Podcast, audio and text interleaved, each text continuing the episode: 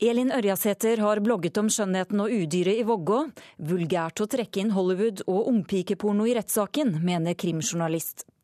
Da de snakket om å storme Dagbladet og kappe hodet av Lars Helle, ringte jeg PST, sier tidligere ekstremist. Jeg tror ikke på spøkelser før jeg ser et gjenferd, sier Tromsø-ordfører. Han møter nordlending med overnaturlige evner her i Ukeslutt. Du hører på en podkast av Ukeslutt. Jeg heter Elisabeth Onsum. Noen fikk eh, hakeslipp, andre applauderte da de leste kommentaren til Elin Ørjasæter på Nettavisen om skjønnheten og udyret i Vågå. Kombinasjonen ung, vakker kvinne og gammel, stygg mann er en vinner rent dramaturgisk. Og det skrev altså du, eh, forfatter og blogger for Nettavisen Elin Ørjasæter. Hva var det som fikk deg til å skrive dette? Jeg har sittet i retten i eh, seks dager og hørt forklaringer, hørt prosedyre, og eh, det slår en jo en rekke litterære referanser her. Jeg ønsket å fortelle hvordan jeg opplevde dette, og har jo fått en enorm respons på denne bloggposten fra jurister, fra leger, fra helsearbeidere, som eh, syntes det var bra at jeg eh, trakk fram det perspektivet. Hva er det som gjør hva er det som kan skape denne absurde situasjonen med en så gammel fyr? Som eh, da inngår i et gjensidig kjærlighetsforhold. Nå mener jo Øygard at han ikke har gjort det, men jenta mener jo at de har vært i et gjensidig kjærlighetsforhold. Mm. Men da, da, trekker du paralleller til Hollywood-filmer og ja, ja. ja, og det? det er særlig filmen 'American Beauty' som jeg bruker. Nå er det en atskillig eldre jente der. Men der er det en scene hvor hovedpersonen Lester han er hodestups forelsket i sin datters venninne. Og hun innbyr til sex. Og idet han, eh, litt som et udyr, et sånn grådig uh, udyr, uh, er i ferd med å, å, å ligge med henne, så plutselig våkner han opp av den transen, og så ser han henne som det hun er. Et veldig usikkert menneske. Og så går han inn i en forskerrolle, og så trøster han henne. Det ble aldri noe sex. Og hun er jo til og med veldig lei seg for det der og da i filmen. Jeg syns det er en utrolig vakker scene, for den viser så tydelig hvordan det er de voksnes ansvar. Å, sette grenser, og det var jo det. Men, men hva ja. tenker du at den har med Vågå-saken å gjøre? Jo, det er jo en, eh, et gammelt en dramaturgisk kjensgjerning at dette med eldre mann, ung kvinne, eh, også helt ned til barn, har vært noe som har vært et tema i litteratur og film. Bare tenk på Lolita. Kristin Spitsnogel skrev jo en kronikk om det i VG mm. på søndag. Så det er jo ikke veldig originalt at jeg trekker opp dette perspektivet. Det som um, ja. Vi har eh, en gjest til, nemlig Harald Klungtveit. Du er krimjournalist og har dekket hele rettssaken eh, for Dagbladet. Eh, hvordan reagerte du da du leste dette? Altså, jeg har sittet alle 17 dagene i, i, retten.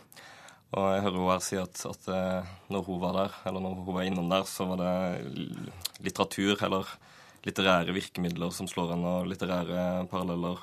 Eh, når jeg satt der, så er det virkeligheten som slår meg. En, eh, en helt konkret historie med virkelige mennesker som har havna i en forferdelig situasjon på, på begge hold. Eh, det er ekte mennesker. Og det er ikke noe Altså å, å dra fram en del ganske banale eh, fiksjonsparalleller som jeg verken syns er treffende eller passende i, i den sammenhengen. Men syns du det er uetisk å gjøre det? Jeg syns det er uetisk. Um, og på et prinsipielt plan så syns jeg, altså utover selve kommentaren, så syns jeg uh, Ørjasæters forsvar av det i etterkant er vel så problematisk uh, prinsipielt. Fordi hun, hun, drar fram uh, bloggerrollen sin. Uh, selv om hun etter mitt skjønn åpenbart er Nettavisens kommentator i Vågå-saken. Eh, og da, Det syns jeg blir litt vanskelig å forholde seg til, for det, virker som hun da mener at hun er fritatt for en del van, vanlige etiske kjøreregler, nærmest. Er du det, Riasæter? Ingen skribenter er fritatt for etiske regler. Eh, denne diskusjonen har gått i sakprosamiljøene i eh, årevis. Vi har en Brage-nominert roman, en norsk tragedie, som jo går veldig mye lenger enn meg i å bruke litterære virkemidler. Um, så jeg syns det blir litt rart at det er en krimreporter i Dagbladet uh, som skal fortelle verden hvor gullstandarden for moral går. Og det blir også litt komisk når du sier at du skriver om virkelige mennesker. Ja, jeg har vært færre dager i rettssalen enn deg. Jeg har hørt innledningsforedragene, en del bevisførsel. Jeg var der de to siste dagene hørte prosedyrene. Mm. Og Men, så eh, sier du at fordi du er krimreporter, så har du eh, enerett på å fortelle verden hvor moralen er. Og det blir rart, tror jeg, når vi har sett Dagbladets forsider i denne saken. Hvordan de mesker seg og mm. selger Men Klungtvedt er ikke den eneste som har reagert. For det har eh, utløst eh, ganske mye aktivitet på Twitter, bl.a. dette her. Og og i dag så, så trakk du deg fra Twitter, Røsæter. Du skriver 'ha det, Twitter'. Har ikke lenger ork til, til all sjikane. Hva slags meldinger er det du har fått som du tenker er sjikanerende? Ja, det det som er sjikanerende, er jo alt det som Når man skriver om eh, eh, ting som har med sex å gjøre, så kommer det jo en masse meldinger fra menn som sier 'din stygge bitch', 'din stygge heks', la nå Øygard få dyrke kjærligheten i fred. Det er sjikanen. Um, så er det klart at så kan man diskutere hva er liksom dråpen og begeret og sånn. Jeg syns jo det er tungt når en anerkjent eh, krimreporter, som også får støtte av sin sjef, i 21 tweets, hvor han går veldig hardt ut, mye hardere enn det han gjør her, selvfølgelig, eh, mot meg som person, også erklærer at han tilhører dem som aldri har satt pris på noe av det jeg har gjort. Og da tenker jeg liksom dette er jo en type høflighet som, som, som jeg syns er tungt å ta på den daglige sjikanen som kommer fra andre. Uhøflig, men er det sjikane? Nei, det er ikke sjikane. Selvfølgelig ikke. Det har jeg ikke sagt heller. Jeg forsøkte å skape en, en eh, skarp og saklig diskusjon. og Jeg syns det er litt problematisk når Ørjesæter her på en måte drar meg inn i dette bildet om, av det hun kaller sjikane. For det kjenner jeg meg overhodet ikke igjen i. Og jeg kan selvfølgelig stå for alt jeg har skrevet på Twitter, uten at jeg tror at eh, de veldig kloke lytterne til Ukeslutt er så interessert i akkurat den andedammen. Men jeg syns vi skal gå tilbake til kommentaren som starta det her. Altså, Ørjasæter skriver en blendende vakker og ren jomfru beundret ham overalt på jord og gjorde seg seksuelt tilgjengelig for nettopp han, den ene, eh, osv. Altså, og hun kommer med referanser til, til utseendet til Øygard, til utseendet til jenta. Eh, det er mulig å parodiere disse ståstedene eller uh, mane fram arketyper eller noe sånt. Men, uh, men jeg, det, det, jeg mener å gjøre, er at du dik, dikter opp historier uh, rundt det hun har sett i retten, og ikke gjengir det hun har hørt i retten. For det, det, er jo ikke altså, det er jo ingen andre aktører enn Ørjasæter som drar fram skole, skolepikeporno i denne, i denne diskusjonen. Nei, jeg vil jo si takk og pris for at det fins ulike versjoner. Og sånn som jeg opplever opplever Denne versjonen er jo bare i ditt hode, Resette. Uh, men jeg har Dette blir litt rart, for jeg har jo fått enorm respons på denne. Og du kan jo bare gå inn og se hvor mange som har ønsket å spre den på Facebook. Du... Ja, men det blir, ikke riktig, det blir ikke mer riktig av at folk applauderer det på Facebook. Det blir for enkelt. Mm. Ja, for det... Dere, vi er faktisk dessverre nødt til å, å avslutte. Men Ørjasæter, du, du, har eh, over ja, du har nesten 30 000 eh, tweets på Twitter. Kommer du til å klare å holde deg unna? Ja, det tror jeg. Fordi, um, for å sitere Klungland i går, hva i helvete er det Ørjasæter ramler med nå? What the fuck? Altså, Jeg klarer meg uten den type kommentarer. Jeg tror faktisk jeg blir en bedre skribent hvis Dagbladets krimreporter skal, kan slutte å oppdra meg som et moralsk menneske. Jeg syns jo du bør høre etter når, eh, når du må bli oppdratt i etikk av nettopp Dagbladet-journalister. Takk skal dere ha. En gang brukte statsministeren sykkel til jobben her i landet, og hadde sykkelklemmer nederst på buksen. Om søndagen gikk han på skitur med anorakk og nikkers, og Verna var med, og kanskje Randi og Trygve ungene, og de hadde primus, og kongen tok trikken og betalte voksen billett hvis han ikke var 67 år, eller var det 70 den I dag kom altså meldingen om eh, I dag tidlig kom meldingen om at Odd Børresen er død. Forfatteren, visesangeren og mangeårig kåsør her i NRK ville fylt 86 år denne måneden. Kulturminister Hadia Tajik mener norsk kultur og samfunnsliv har mistet en viktig stemme. I Odd Børresen så hadde vi alle sammen en uh, klok onkel som man kunne lytte til, lære av. Som hadde presise, gode, underfundige, klare betraktninger både om hverdagslige ting og, og større politiske problemstillinger. Han var en skarp og klar stemme som jeg tror at mange kommer til å savne. Altså, Odd var en mester i å beskrive nesten alt som vi også kunne beskrive, og vi så. Men Odd, Odd han satt med han, når, han, når han skulle beskrive et fenomen, satt han, han hadde en annen vinkel. Den andre, han, han, han flytta seg, han satt og så ting fra, fra en annen vinkel. Så han viste oss nye sider med ting vi for så vidt kjente fra før. Til slutt hørte vi også komponist og samarbeidspartner Lars Martin Myhre, og her er de med en liten perle, 'Paradise Bay'. Jeg skal ut og seile, bror. Sånn som hundre ganger før. Jeg tror jeg har fått alt om bord.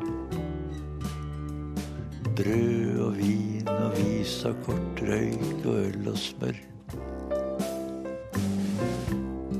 Jeg har gjort det før, min venn. Nå drar jeg ut igjen.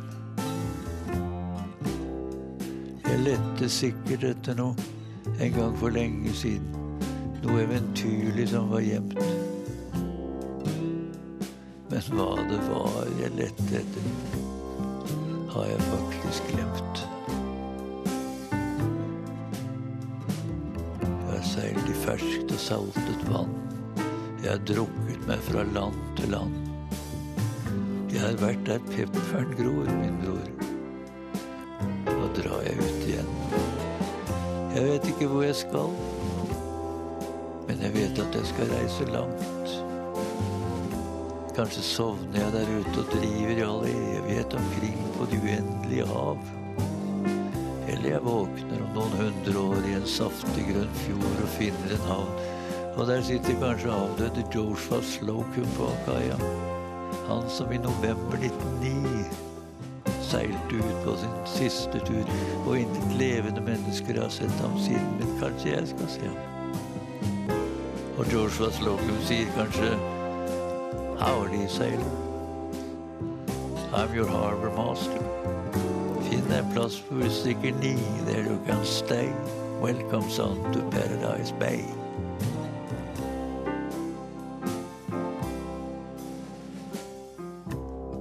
Da seiler jeg min siste tur. Med brød og vin og visakort. Og røyk og øl og setersmør. Som sagt, jeg har gjort det før. Min bror, nå drar jeg ut igjen. Jeg heiser mine slitne seil. Jeg kaster loss og drar Nå er jeg faktisk klar, min venn.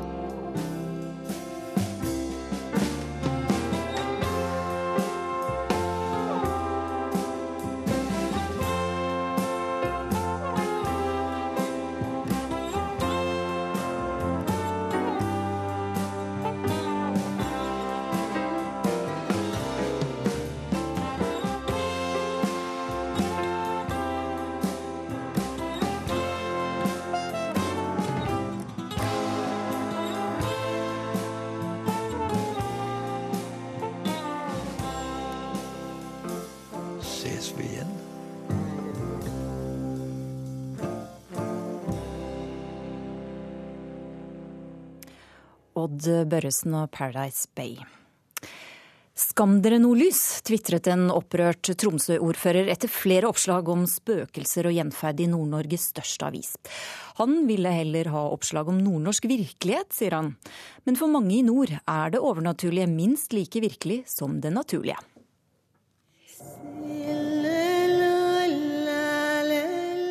Eh, noen har hørt eh, skritt. Uh, sett bevegelser. Haukur Gunnarsson er teatersjef på det samiske nasjonalteatret. Og så er det noen som også har hørt uh, et piano spille av seg selv. Et piano som var lagret på et, uh, på et lagerrom hvor ingen kan ha vært.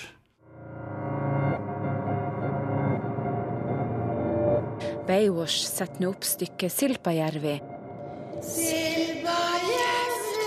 Om ungdom som kommer i kontakt med overnaturlige krefter. Og uforklarlige ting skjer i teatret også. Og så så jeg at det står noen der i, i den døråpningen. Uh, for det var noen bevegelse der, men når jeg så bort, så var det ingenting. Uh, en historie er at det, er, uh, at det var noen tyske soldatgraver på det stedet hvor, hvor Kulturhuset ble bygd. Andre forteller at det var en finsk arbeider som forsvant sporløst under byggingen av kulturhuset.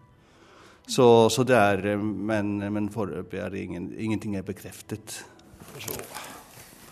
Ordfører Jens Johan Hjort i Tromsø ser på historien om det samiske teatret. De er plaget av uforklarlige hendelser.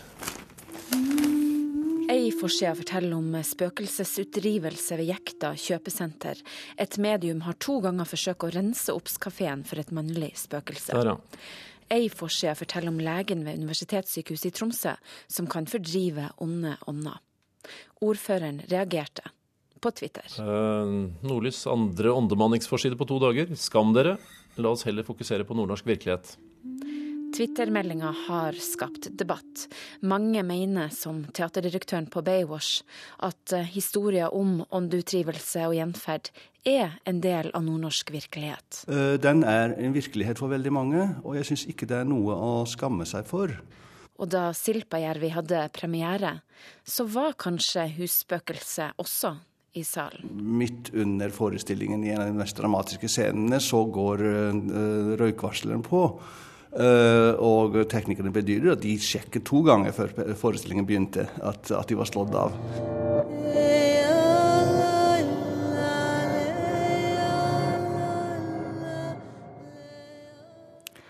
Reporter var Karoline Rugeldal. Og det samiske nasjonalteatret vurderer visstnok nå å kontakte Åndenes makt for å få hjelp med husspøkelset. Ordfører i Tromsø, Jens Johan Hjort fra Høyre. Du har sagt at du frykter for omdømmet til Nord-Norge. Hva er det du er redd for? Nei, jeg har, eh, jeg har sagt at uh, når jeg to dager på rad leser i Nord-Norges største avis, Nordlys, på forsiden om åndemanning, så blir jeg litt fortvilt, fordi jeg syns at vi må fokusere på litt andre ting. Jeg har respekt for at, at folk tror.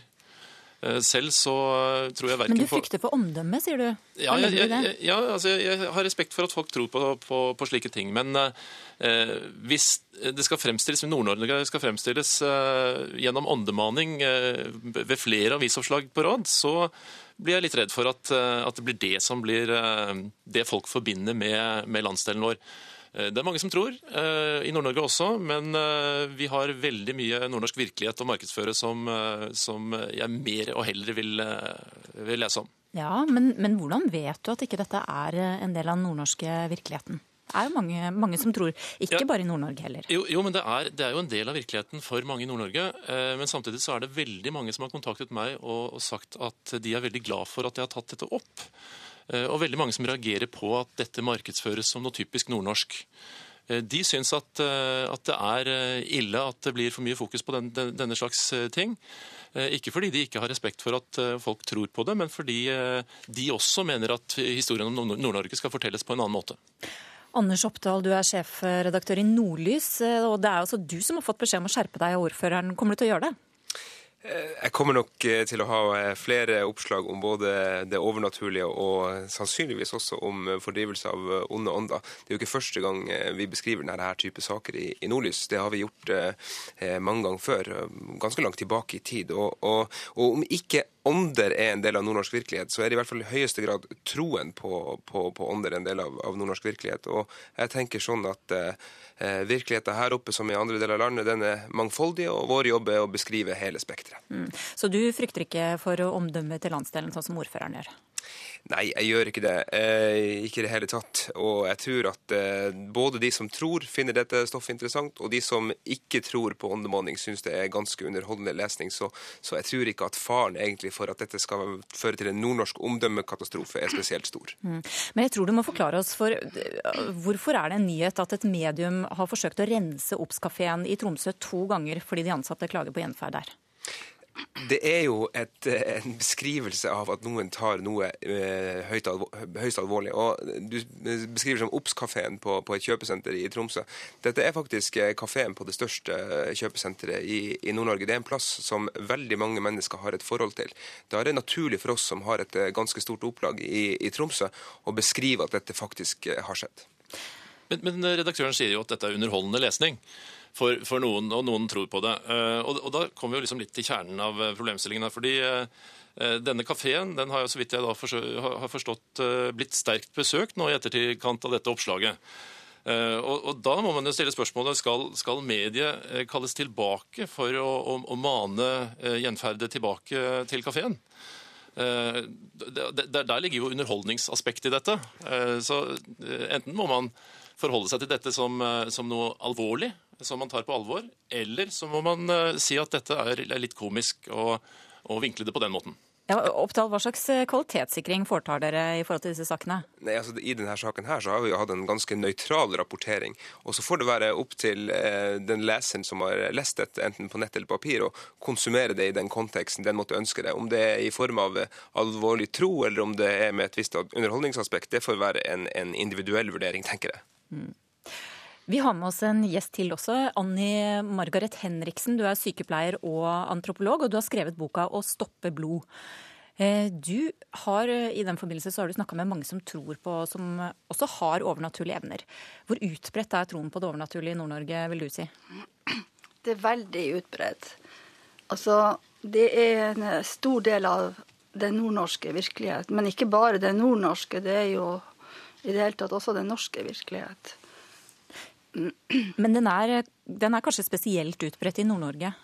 Og Det er vel fordi at uh, man er mer åpen, og man kanskje fordi at, at her at vi har ikke den uh, hva skal jeg si, respekten for uh, moderne vitenskap på en sånn måte at man ikke tør å snakke om tradisjonelle kunnskaper. Jeg tror kanskje det er det det kommer an på. Og, og pluss at folk har funnet mye hjelp i, i slike tro, da. Ja, for du, du har eh, også selv eh, vært med på å stoppe blod? Eh, altså vært med på, Når du sier vært med på, så er det jo noe jeg har sett fra jeg var ei lita jente. At blod ble stoppa, blodforgiftning ført tilbake, verk ble tatt bort, og i det hele tatt. Og jeg har også sjøl eh, kommet i en situasjon hvor jeg har måttet stoppe blod. Mm. Hva, hva, var det som skjedde da? Ja, Det var ei dame som hadde fått drevet opp et svært operasjonsår. Og, og, da jeg som sykepleier kom til, så uh, sto jo da pølseåra pumpa blodet rett opp. Og jeg holdt på å miste henne bort. Og vi andre som var i nærheten, ropte jo på at det måtte komme til andre og hjelpe oss. Og, og da tenkte jeg jøss, altså har ikke jeg lært noe når jeg holdt på å skrive om det her. Og så fikk jeg tak i hva hun heter, når hun var født, slik som det er vanlig i denne tradisjonen. Og så leste jeg fader vår, og der kom en halvveis, så stoppa blodet da, og hun fikk tilbake ansiktsfargen. Men det her det har jeg vært borti fra jeg var fra, kanskje fra 15 år, at man har vært på tur, og noen har skåret seg med tollkniven. og jeg har sagt da noen ord som jeg har lært. Mm. Så ved å lese Fader vår, så stoppet du en blødning? Ja. En alvorlig blødning? Meget alvorlig. Mm. Så du tror at det reddet livet hennes? Selvfølgelig, jeg så det jo. Hva sier du til det, Hjort? Ja, altså Å ja. ja, ja nei, jeg, jeg, jeg, har jo ikke opplevd noe sånt selv. Uh, så jeg, skal ikke uttale meg om den konkrete situasjonen. Uh, og jeg er nok sikkert litt for vitenskapelig orientert i, i min tankegang. Men, men, men, jeg vet jo at altså det, det, heter at tro kan flytte fjell, og det tror jeg på. Jeg tror at hvis man tror, så vil ofte det man tror på, gå i oppfyllelse. Eh, og Så er det da spørsmål hva er årsaken til det. Eh, det kan enten være at, eh, at det man tror på, har hjulpet, eller det at man faktisk tror som hjelper. Og jeg tror at det, det, er, det er, psykologisk, dette her. Man, man, tror at det hjelper, og da vil det ha en tendens til å, å gå i oppfyllelse. Hva sier du til det da, Henriksen? Ja, men det er jo opp til alle å si hva man vil om det. Og det er jo gjort sin måte å tro på det her på. Da. Det er jo òg en tro. Ja, hvor viktig er dette for eh, nordlendingene, denne type tro? Det er, det er, veldig viktig, for det er ikke bare i forhold til kroppslige eh, sykdommer. Det er også i forhold til eh, sosiale forhold. Det er også kunnskaper som fiskere bruker ut på havet for å roe ned uværsbølger. Eh, det er også som er kobla til andre virksomheter, f.eks. det å tro at en hjelper som varsler. Det er en del av livet, rett og slett. Og det er noe som man er veldig, som man har en sterk kjærlighet til. Oppdal, du eh, er jo også fra Nord-Norge. Tror du på dette? Jeg er nok i likhet med Hjort eh, ganske realistisk eh, orientert og, og har sånn eh, Tror det kanskje ikke helt før jeg, før jeg får se det. Men, men, eh, det jeg tror som er riktig her, for det er, jo, så, det er jo sant Det er en stor grad av åpenhet rundt, rundt um, det åndelige og blodstopping og den type ting i, i Nord-Norge. Det husker jo jeg også fra barnsbein av, hvordan eh, ja, nettverkene og familiene rundt meg faktisk snakka om det her med, med overbevisning. Og det mener man skal ha stor respekt for. Det som jeg tror skiller oss ifra resten av landet. fordi at i forrige uke så tror jeg det var VG som hadde et oppslag på at uh, annenhver nordmann uh, trodde på, på, på Snåsamannen. Dette her er jo ikke noe annerledes enn Snåsamannen, uh, spør du meg. Men, men, vi snakker om det uten at vi nødvendigvis må være anonyme i en spørreundersøkelse. Folk står frem og forteller om det. Gjort, kan det tenkes at, at du blir omvendt? Nei, jeg tror, jeg tror, eh, sjansen for at jeg skal bli omvendt, er, eh, er, relativt liten. Det måtte jo være hvis det var eh, et gjenferd som bestemte seg for å overbevise meg. Da, da kunne det jo kanskje være. Men altså, jeg tror at hvis vi, hvis vi, vi, må nyansere det litt. fordi i debatten her så snakkes det om nordlendingene som, som en homogen gruppe. Nordlendinger er så mangt. Og veldig mange jeg har snakket med de siste ukene, har sagt bra at du tar dette opp, for vi kjenner oss ikke igjen i denne beskrivelsen. Eh, nordlendinger som alle andre, de, eh, de er eh, forskjellig sammensatt. Og noen tror, noen tror ikke. Og, og, Da er det greit å ha et og annet oppslag om dette, men, men det må ikke bli en, en, sånn generell beskrivelse av den nordnorske virkeligheten. Mm. Og Det er det jo da vitterlig heller ikke. Det er jo sånn at Vi har en rundt 300 utgivelser i løpet av et år. Du har fått, fikk servert to på rappen, Jens Johan. Det syns jeg du bør tåle. Du hører på en podkast av Ukeslutt i NRK P1 og P2. Den neste halvtimen spør vi kan Obama vinne presidentvalget med hjemmelaget øl? Hvorfor velge en president som er mer opptatt av å drikke enn av å redde økonomien, spør republikanere. Og har du et ansvar når Hennes og Maurits betaler fabrikkarbeidere tre kroner timen? Ja, mener Norsk Moteinstitutt. Men først. PST frykter et eh, voksende islamistisk miljø, og politiet forbereder seg på å håndtere nye terroranslag. Denne uka gikk den første store beredskapsøvelsen siden 22.07 av stabelen. Ukeslutts reporter eh, Sondre Bjørdal ville finne ut om vi står foran et nytt terroranslag i nær framtid. Det brann i et murhus i et industriområde på Lillestrøm. Store, svarte biler stopper utenfor. Politifolk med hjelmer og skuddsikre vester tar seg inn.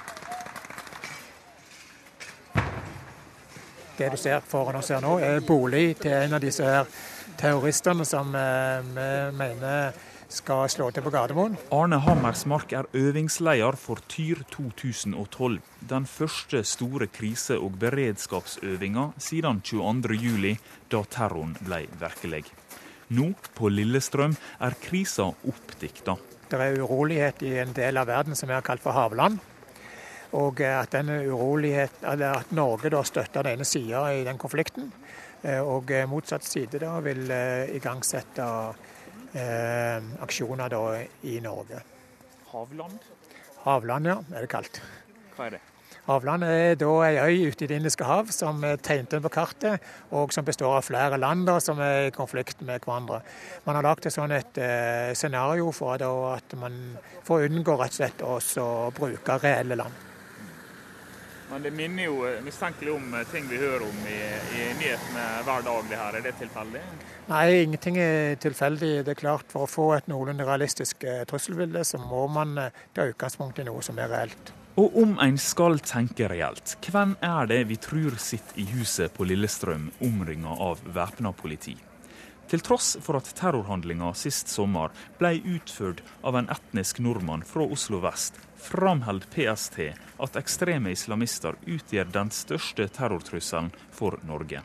De blir flere og farligere, hevder PST. Etterretningstjenesten frykter at nordmenn som kriger i Syria, kan komme hjem som terrorister. Vi må ikke bli overrasket hvis det kommer et angrep i Norge. Det har jeg sagt tidligere også. For et par uker siden sperra mange opp øynene da talspersonen for den islamistiske gruppa Profetens Umma ikke ville svare på om han ville varsle, dersom han visste at et angrep var på vei. Jeg har ingen kommentar til det. Ja, forskjellige PC-ting. Det her er tastatur. Josef Barto Asidik er datakonsulent på en ungdomsskole i Oslo. I februar 2010, da Dagbladet trykka ei karikaturtegning av profeten Muhammed, hadde han nylig konvertert til islam, og var i miljøet som nå har utvikla seg til å bli gruppa Profetens Umma. Altså, jeg husker jo når vi satt på det møtet før demonstrasjonen, så var det jo eh, Det var en diskusjon først om vi skulle ha en demonstrasjon, eller om vi bare skulle brenne biler, eller mer radikalt. Og så var det jo en som også ytra at han ønska å, å storme Dagbladet og kutte hodet av Lars Helle. Og da ringte jeg til PST med en gang, men også eh, Det var jo ganske sykt, da. Og PST fortalte meg at de hadde kontroll over han, og at, at han hadde en psykisk eh, lidelse, da. Så han var inn og ut på sinnssykehuset. Og jeg vet ikke om det har betrygga meg eller ikke, men altså Det var jo ganske veldig drøy påstand. Og jeg satt der liksom og kom helt utenfra. Det var liksom et av de første tingene jeg hørte. da. Og da skjønte jeg liksom at jeg, her passer jeg ikke hele tiden. Følte du at du var på vei eh, inn i noe farlig? Ja, det var jo tross alt uh, tidligere kriminelle og ganske radikale mennesker som jeg var der sammen med. Selv om jeg følte meg utilpass, så var jeg jo riktignok der. Og jeg gikk jo gjennom en demonstrasjon også, selv etter dette her. Men der og da så følte jeg at jeg var en av de, de der som var minst ille. Og jeg var en av de som også hadde fått lov til å holde appell, så jeg tenkte det var bedre at jeg gjorde det, enn at f.eks. Batti gjorde det. Men det var ikke bare Josef Barto Asidik som holdt appell. En mye omtalt Muhyldin Muhammad kom også med ei såkalla åtvaring. Når vil norske myndigheter og deres medier forstå alvoret i dette her? Kanskje ikke før det er for sent?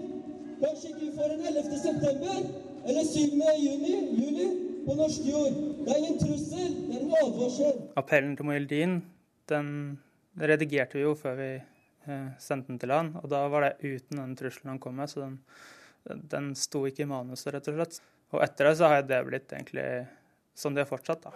Ja, det må du opp på kontoret. Vi er i et gammelt stallhus i en bakgård i Oslo sentrum. I den trange trappa henger et digert utstoppa elghode. Her gir Wild X jegerkurs til minoritetsungdom. Nei, Det dukker da opp fire stykker på et jegerprøvekurs. Og de ser ganske vanlige ut. og I utgangspunktet så var de en velkommen del av kurset. Men leder Tor Bach i Wild X oppdaga at disse ikke ville jakte på dyr. Så ser vi i løpet av kurset at de begynner å snakke om at når vi får våpen, skal vi jakte på jøder. Eh, vi oppdager i en helt annen sammenheng at de da er ute og går i demonstrasjonstog med mulla Krekar. Eh, og vi finner ut da at de tilhører det ekstremistmiljøet som nå er kjent som Profetens Omma. Hva gjorde dere da? Vi kontakta Politiets sikkerhetstjeneste. I tillegg til å arbeide for at minoritetsungdom skal få glede av naturen, arbeider Tor Bakk også med nettsida Vepsen, som overvåker og skriver om antidemokratiske miljø. Dette er det farligste og mest militante ekstremistmiljøet vi har i Norge per i dag. Og det er det farligste miljøet vi har sett i noen tid. Vi har jo ikke sett andre ekstremistmiljøer som har klart å samle 100 personer i Norge noen gang etter annen verdenskrig. Det, det er faktisk første gang det skjer. I industriområdet på Lillestrøm har nysnøen på bakken blitt til grå slaps. Tungt væpna politifolk kjemper mot terroristene som har gjemt seg der. Men er dette noe som kan skje i virkeligheten? Ok, Jeg går til lederen i Muslimsk råd og spør deg om hva sier du til denne virkelighetsbeskrivelsen som vi får her?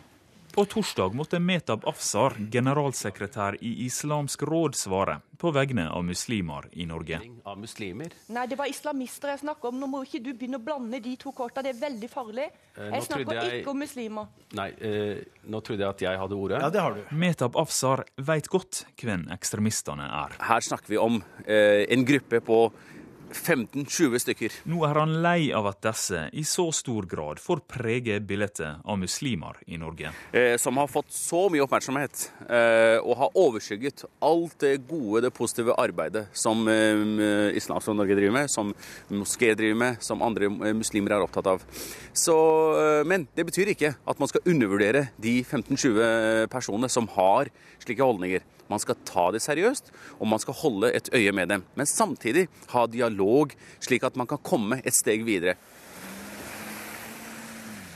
På Lillestrøm er terroristene tatt. Og til tross for at en politimann skada handa si, er øvingsleder Arne Hammersmark godt nøyd.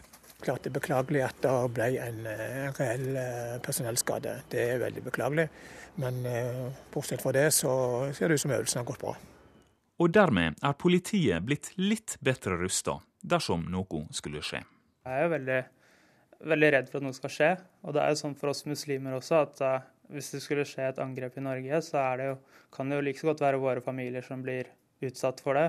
I tillegg til at uh, hvis det skulle vært en muslim som gjorde noe sånt, så ville det jo vært, uh, det ville vært umulig å fortsette å være muslim i Norge. Så vi, vi er kanskje de som er mest redd Avsløringer om at milliardkonsernet Hense Maurits produserer klær under uverdige forhold i Bangladesh og Kambodsja, har opprørt mange.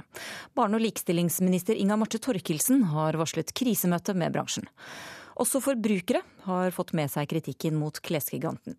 Ukesluttsreporter Andreas Lindvåg har snakket med noen av dem. Eh, jeg lurer på Hvorfor handler du på Hennes og Maurits? Ja, for det er billig, og de har moderne klær. Har du gjort deg noen tanker om hvorfor det er billig på Hennes og Maurits? Ja, så klart. Jeg har litt dårlig samvittighet, spesielt med den uh, nyhetsoppslaget som var i, i Sverige, i alle fall nå nylig. De her bildene viser sømmersker som kollapser. Det svenske dokumentarprogrammet Kalle fakta avslørte sist uke at Hennes og Maurits tekstilarbeidere i Kambodsja og Bangladesh tjener så lite som tre kroner timen, jobber 70 timer i uka og ofte besvimer på jobb. Dette i grell kontrast til kleskjedens image som et sosialt ansvarlig foretak. Ikke ens i Kambodsja kan en familie forsørge seg på så lite penger. Hennes og Maurits svarer på sin side at de tar saken på alvor, men at arbeidet vanskeliggjøres av at de ikke eier fabrikkene, og at det ikke finnes en bransjestandard for levelig lønn. I Oslo hadde Hennes og Maurits kunder følgende å si om saken. Jeg tror ikke forbrukerne enkeltvis kan skape noen særlige konsekvenser rundt dette. her. Jeg tror eh, det avhenger av at man eh, lager noen eh, regler for hvordan selskap kan bruke utenlandsk arbeidskraft.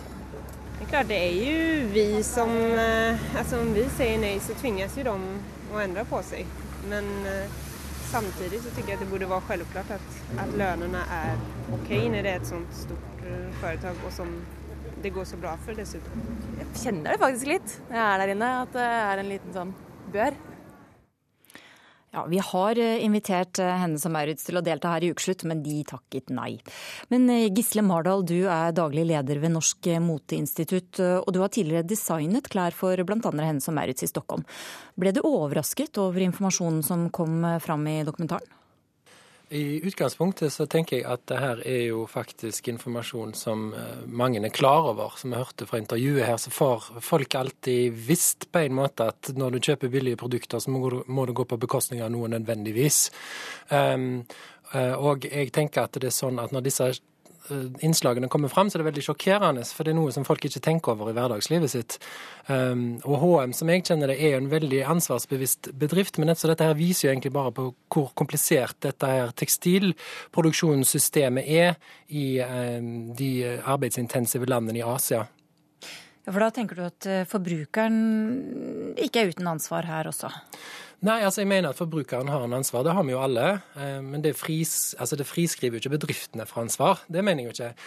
Men jeg mener at forbruker har et ansvar, for de har òg et ansvar til å kunne påvirke. Og Det kan vi jo se f.eks. på den saken som var med Nike på 90-tallet, hvor en gikk ut og boikotta det, de måtte legge om systemene sine. Så jeg mener at forbruker kan ta et ansvar. Bjørn Tore Blindheim, du er postdoktor ved Universitetet i Stavanger og har eh, forsket på bedrifters samfunnsansvar, eller CSR som det også heter. Handler du klær på Hens og Maurits? Uh, nei, men jeg handler stort sett ikke klær, så jeg tror det er ikke så relevant, for så vidt. Uh, uh, Men, men, men jeg syns jo da at i utgangspunktet så blir det litt meningsløst å legge ansvaret over på forbrukerne. Ja, hvorfor det? Jo, altså, for det er jo sånn at um, uh, har jo, Dette har jo vært en situasjon som har, som har vært i en del år nå. Siden begynnelsen av 90-tallet så, så, har denne type saker til stadighet dukket opp. Uh, selskapene vet om det, og det er selskapene som først og fremst er i en posisjon til å kunne gjøre noe med det. Uh, for den alminnelige forbruker så, så, er det helt urealistisk at vi skal ha en oversikt over eh, hvor disse klærne er produsert, under hvilke forhold osv. Dette er en oversikt som, som, som, bedriftene til en viss grad har, og det er de som er i en posisjon til å kunne påvirke. Mm. Men nå hører vi at, eh, at forbrukerne har eh, mistanker om at eh, her er det ikke alt som foregår som det skal. Ja, sant. Og, og flere, flere, og flere av oss får jo en sånn, sånn type mistanke. Og, og for så vidt så, så er det vel og bra med, med etisk bevisste forbrukere. Men, men, å legge ansvaret for dårlige arbeidsforhold og elendige lønninger over på forbrukerne, og, og på sett og vis da eh, frita selskapene for ansvar, det, det, blir et, eh, etter min mening et forkjært utgangspunkt. Mm. Det er jo sånn at, at uh, på mange måter så er det en del selskaper som har begynt å ta denne problematikken på alvor. Uh, og, og enkelte har utviklet såkalte Code of Conduct, der de spesifiserer ulike krav som produsentene skal forholde seg til. Det som imidlertid viser seg, det er jo det at det arbeidet det har i liten grad ført til varige forbedringer for arbeidstakere hos produsenter i utviklingsland. Ja, Hvorfor det? Det handler jo om at, eh, at selskapenes forretningspraksis og innkjøpspraksis den er i hovedsak orientert om én ting, og det er å skape størst mulig profitt. Mardal. Nei, Jeg er for så vidt helt enig i dette, jeg, eh, men jeg mener ikke at det er nødvendigvis en motsetning mellom at bedrifter har et ansvar, så, så har òg en konsument en form for ansvar. Og Hvordan skal de ta det ansvaret? Nei, altså Det viser seg jo gjennom veldig fort på sosiale medier f.eks., hvor det er muligheter å, å, å, bringe dette her videre. En har jo sett en sverm av uttalelser etter dette, eh, denne dokumentaren som ble vist. Men jeg tenker jo, jeg sitter ikke her og, forsvarer verken eller. Det syns jeg er veldig viktig å poengtere. fordi at jeg vet at eh, f.eks de norske tekstilbedriftene som vi har daglig kontakt med, som produserer ute, er veldig opptatt av å prøve å tilrettelegge for at de skal kunne ha et bedre arbeidsforhold der de produserer. Og det, Sånn skal det selvfølgelig være. For det er jo klart at når vi hadde tekstilindustrien vår her i Norge tidligere, så var vi veldig veldig strenge med våre krav, ikke sant? men det har vært vanskeligere å følge når dette ble gitt ut. Og Så er det jo sånn at det er Kina nødvendigvis òg som har vært den store fabrikken for de vesteuropeiske landene, hvor lønningene blir, blir høyere, og hvor de igjen outsourcer sin, sine produksjoner produksjoner til la oss si da Kambodsja f.eks.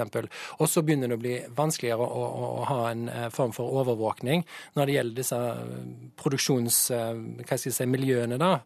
Og det er nok her jeg tror at HM har hatt problemer, fordi at de har ikke kunnet fulgt opp rutinene på disse fabrikkene. For det er andre kontaktpersoner som igjen har skapt. Jeg tror det er så enkelt. Altså Når fabrikkarbeidere besvimer, og de vet jo hvilken lønn de har mottatt, får vi tro?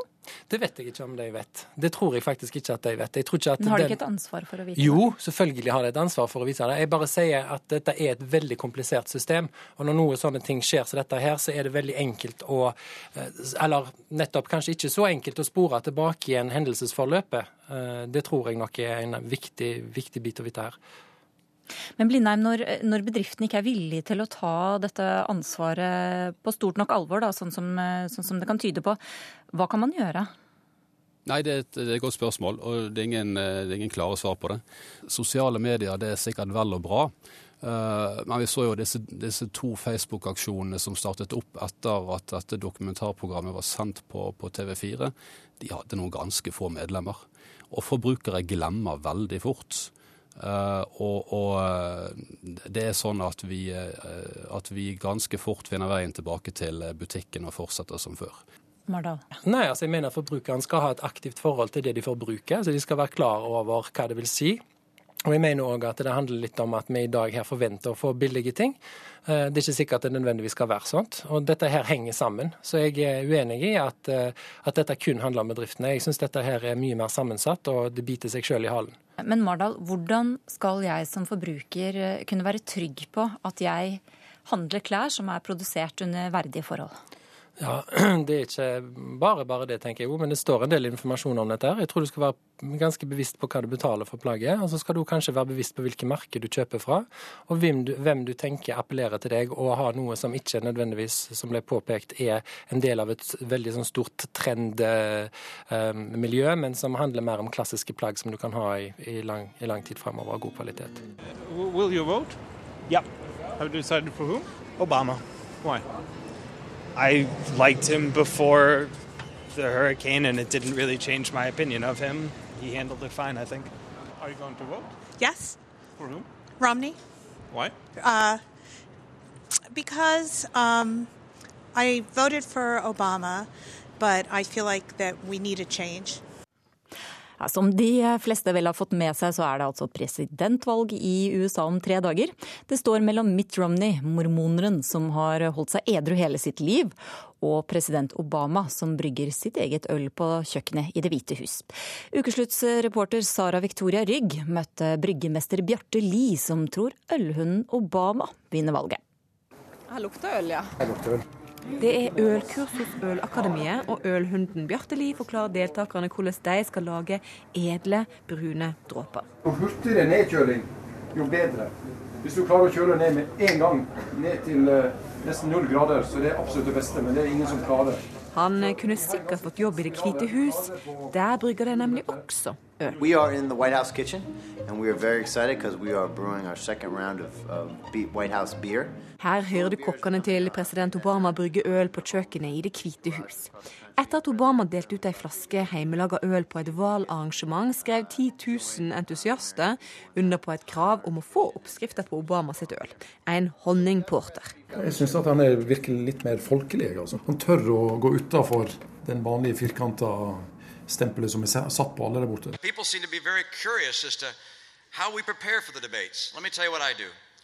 First, refrain from alcohol for 65 years before the debate.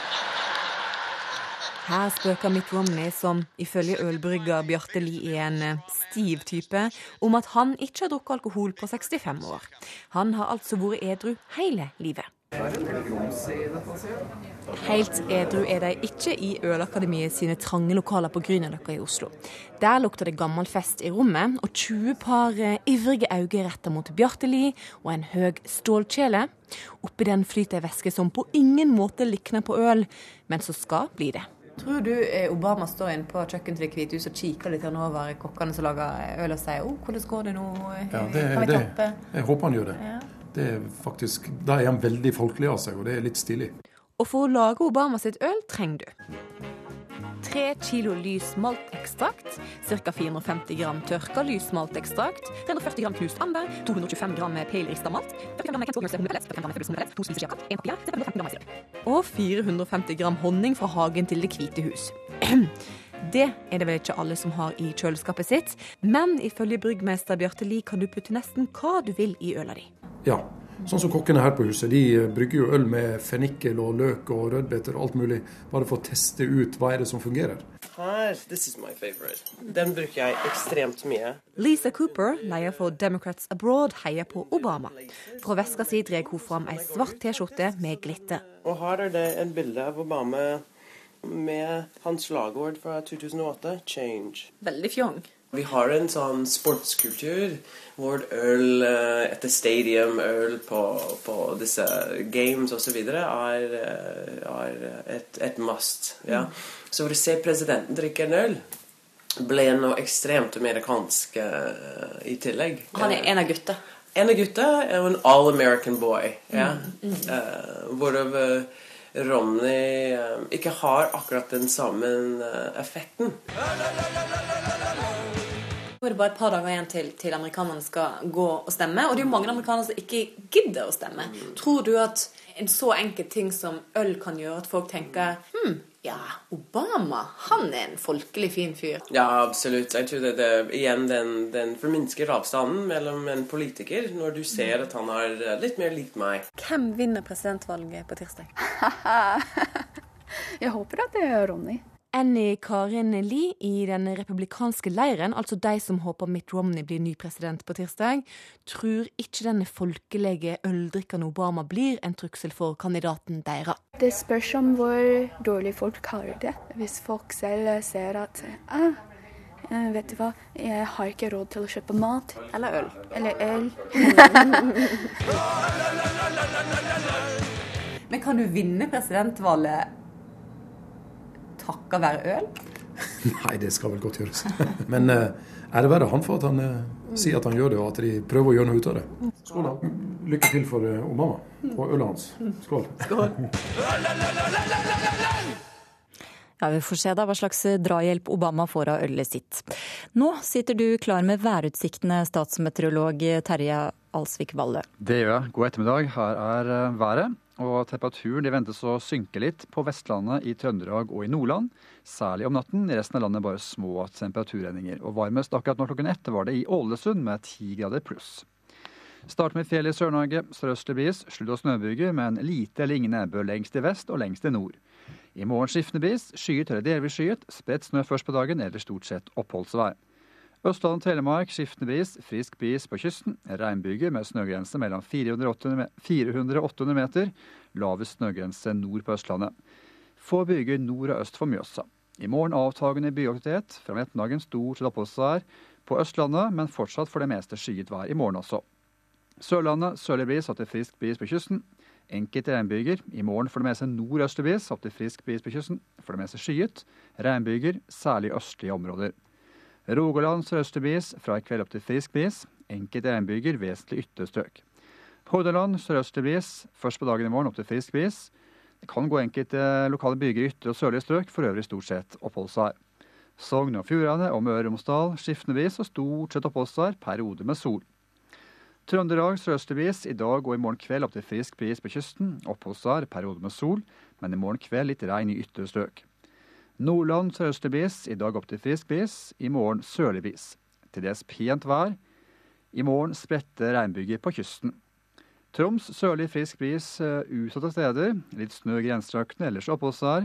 I morgen skiftende bris, litt regn og sludd av og til i nord, ellers stort sett oppholdsvær. Finnmark sørøstlig bris. Liten kuling uh, lokalt. I morgen minkende vind i vest. Litt snø av og til, i kyststrøkene delvis i form av regn.